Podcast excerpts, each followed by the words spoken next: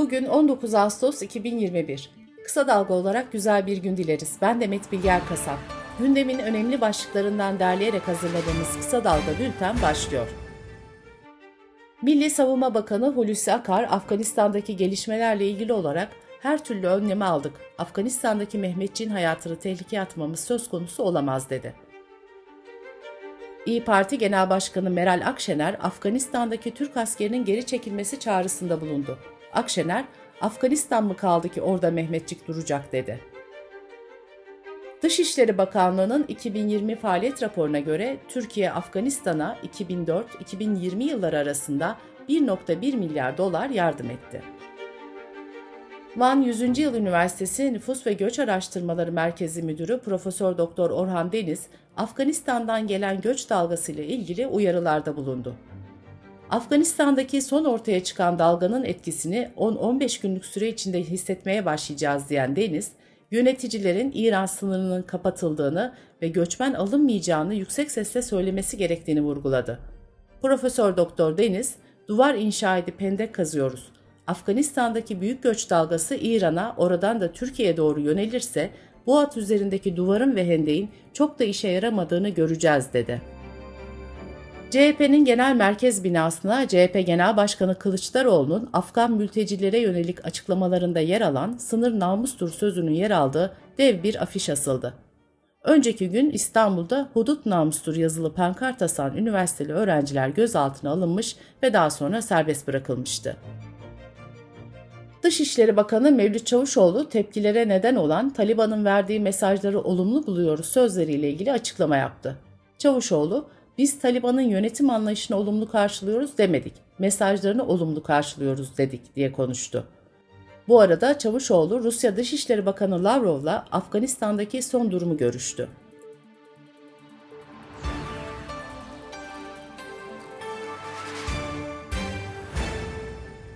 Adalet Bakanlığı Boğaziçi Üniversitesi'ndeki sergide Kabe görselinin yere serildiği gerekçesiyle başlatılan soruşturma kapsamında yapılan tutuklamalarla ilgili olarak Anayasa Mahkemesi'ne savunma gönderdi.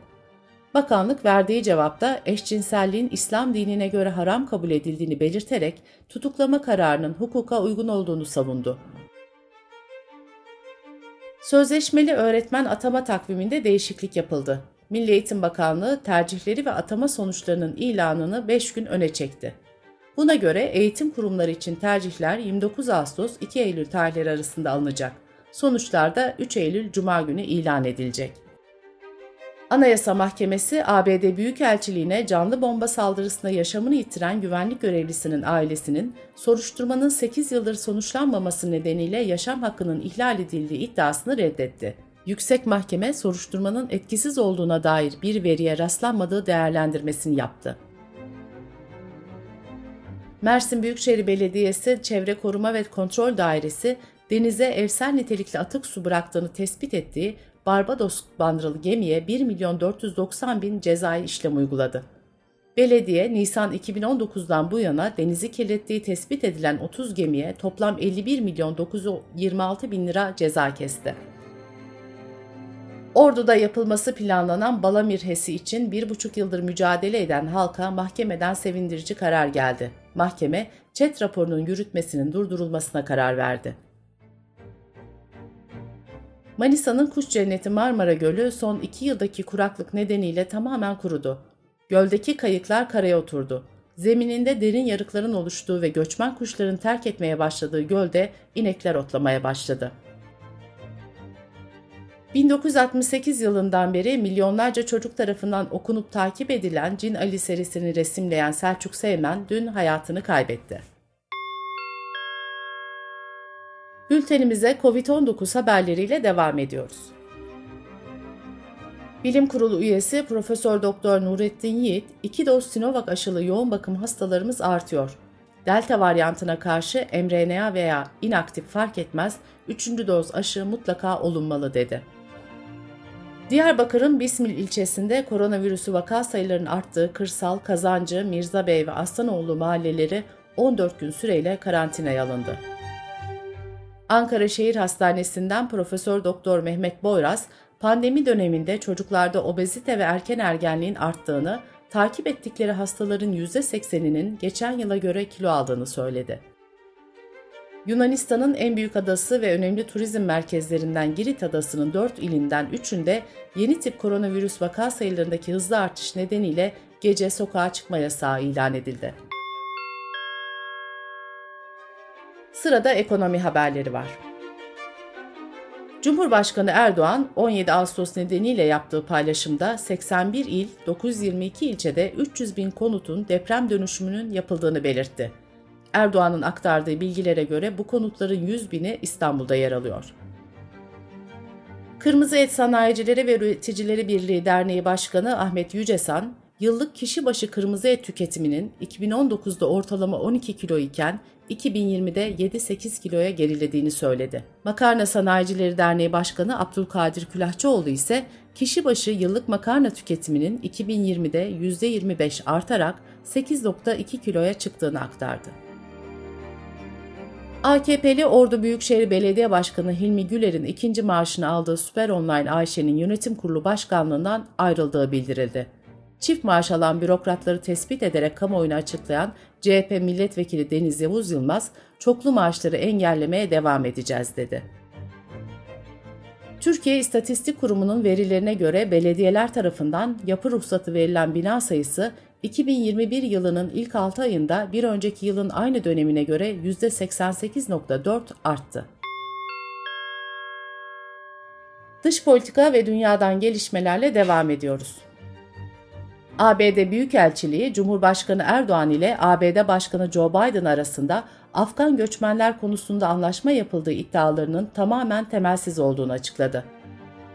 Avrupa Birliği Dış İlişkiler ve Güvenlik Politikası Yüksek Temsilcisi Borrell, Taliban'ın Afganistan'da savaşı kazandığını belirterek onlarla konuşmak zorunda kalacağız dedi. ABD, Afganistan'dan sivillerin tahliyesine zorluk çıkarılmaması için Taliban'la anlaşıldığını ve Taliban komutanlarıyla sürekli iletişim halinde olunduğunu açıkladı. Afganistan'da Taliban'ın Kabil'e dayandığı pazar günü ülkeyi terk eden devlet başkanı Eşref Gani hakkında yeni bir iddia ortaya atıldı. Eski milletvekili Elay Erşat, Gani'nin başkanlık sarayındaki çalışanlarına toplantıya gidiyorum diye yalan söyleyerek ülkeden kaçtığını iddia etti.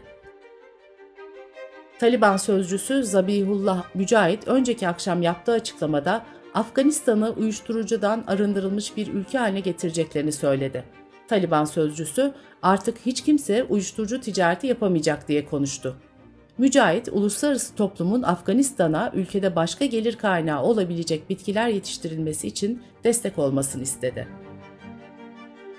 Sosyal paylaşım platformları Facebook ve Instagram'ın yanı sıra haberleşme uygulaması WhatsApp, Taliban'a ait hesaplar ve Taliban'ı destekleyen içerikleri yasakladığını açıkladı.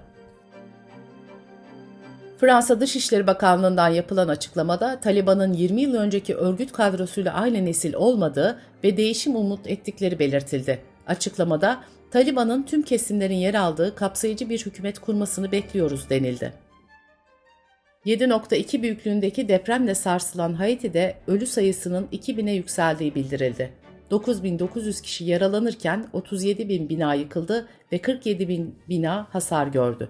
30 binden fazla ailenin evsiz kaldığı belirtiliyor.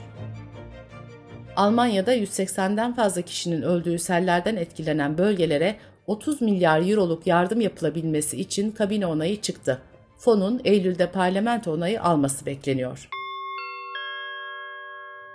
Bültenimizi kısa dalgadan bir öneriyle bitiriyoruz. Sedat Peker attığı tweetlerle yeniden gündemde. Gazeteci Pervin Metin, Sedat Peker'in neden bir zamanlar göz verdiği kitlenin dahi ilgi sahasına girdiğini, 40 yaş altına yaptığı vurgunun asıl sebebini, gerçekten duyguları incindiği için mi kavgaya tutuştuğunu, psikiyatrist Endam Köybaşı ve Profesör Doktor Ferhat Kentel'le konuştu. Kısa Dalga.net adresimizden ve podcast platformlarından dinleyebilirsiniz. Gözünüz kulağınız bizde olsun. Kısa Dalga Medya.